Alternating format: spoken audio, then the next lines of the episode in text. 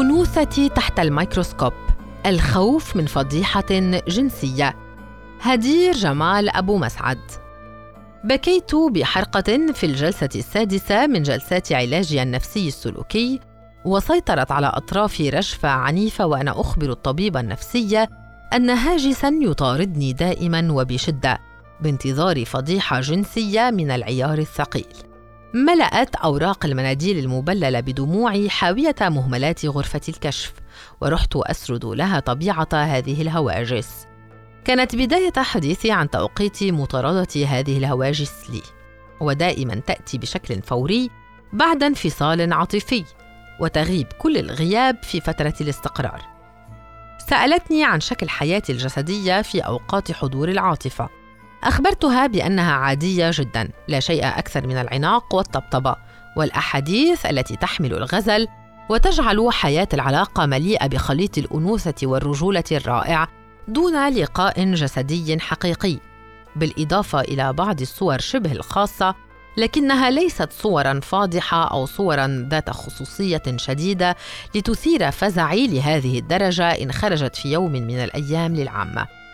بعدها وضعت الطبيبة هواجسي التي أبكي وأرتجف ويهجرني الهدوء واستقرار النوم بسببها تحت الميكروسكوب.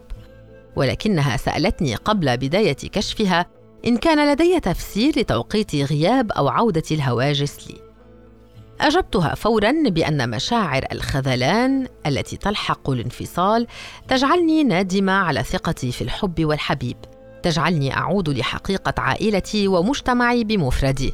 وكيف أنني جازفت بنفسي من أجل عيش الحب فتصبح هواجسي هذه جزءا كبيرا من مخاض الانفصال. وهذا يجعلني أشعر أنني سأكون أمام الفضيحة المنتظرة بمفردي. ويظل عقلي يخلق لي دوامات تطير فيها الأفكار فوق بعضها وتصبح جميعها افكارا تشكك في نزاهة وأخلاق من كان حبيبي. يصبح وغدا أحبني من أجل تلك الأشياء وحين زهد فيها رحل. وبرحيله سيخرج كل ما كان بحوزته للعالم. ثم وضحت لها فكرة أن الحب في حياتي لا يأتي بسهولة. فحين يسكن الحب قلبي بعد مراحل من التفكير ومحاولات السيطرة على اندفاعاتي اصبح مثل لعبة خرجت من مصنعها للتو. لعبة لا ماضي لها ولا مخاوف ولا قواعد صارمة. لعبة فقط تعيش حاضرها مع مالكها الجديد. صمت أمام صمت الطبيبة. ثم أخبرتها بمعلومة أخيرة استنتجتها عن نفسي وهي أنني حين أحب أثق في الحبيب وأثق في الحب وهذا أكبر أخطائي. لأن من المفترض أن تكون ثقتي مبنية على ادراكي لطبيعة مخاوفي. وطبيعة حياتي قبل الحب. من المفترض أن أكون واعية بحجم قدرتي الحقيقة على احتمال هذا وعدم احتمال ذاك. وافقتني جدا على تشخيصي ومدحت محاولتي الذاتية في تشخيص علتي وفهم أبعادها وطلبت أن أعود معها للماضي. بالأخص تلك الفترة التي طلعت فيها على معنى الجنس ودوري في الحفاظ على عذريتي في ظل العادات والتقاليد والأعراف والدين. في بداية حديثنا عن الماضي سألتني لو كنت ولدت مواطنة أمريكية هل ستكون لدي نفس الهواجس بعد الانفصال عن الحبيب؟ أجبتها ومن دون تفكير بلا. ثم لحقت إجابتي جملة تبرعت بطرحها وهي أن بالإضافة إلى أنني سأكون ناجية من الهواجس سأكون أيضا في نظر نفسي إنسانة صالحة بكل معاني الصلاح لأنني بالفعل صالحة وطيبة ومؤمنة وبارة بأهلي ولا أكره احدا ولا أؤذي احدا.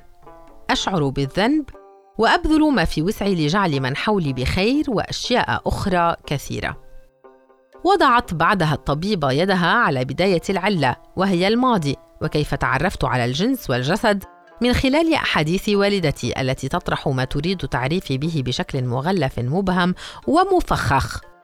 طال الحديث عن هذه النقطة التي اكتشفت وأنا أعود إليها كيف كانت تلك الفترة شديدة الثقل والسواد ثم عدت مرة أخرى إلى الحاضر وكيف أجد أحيانا العلة في أنني أتخبط بين عالمين مختلفين في طبيعتهم بحقيقة كاملة.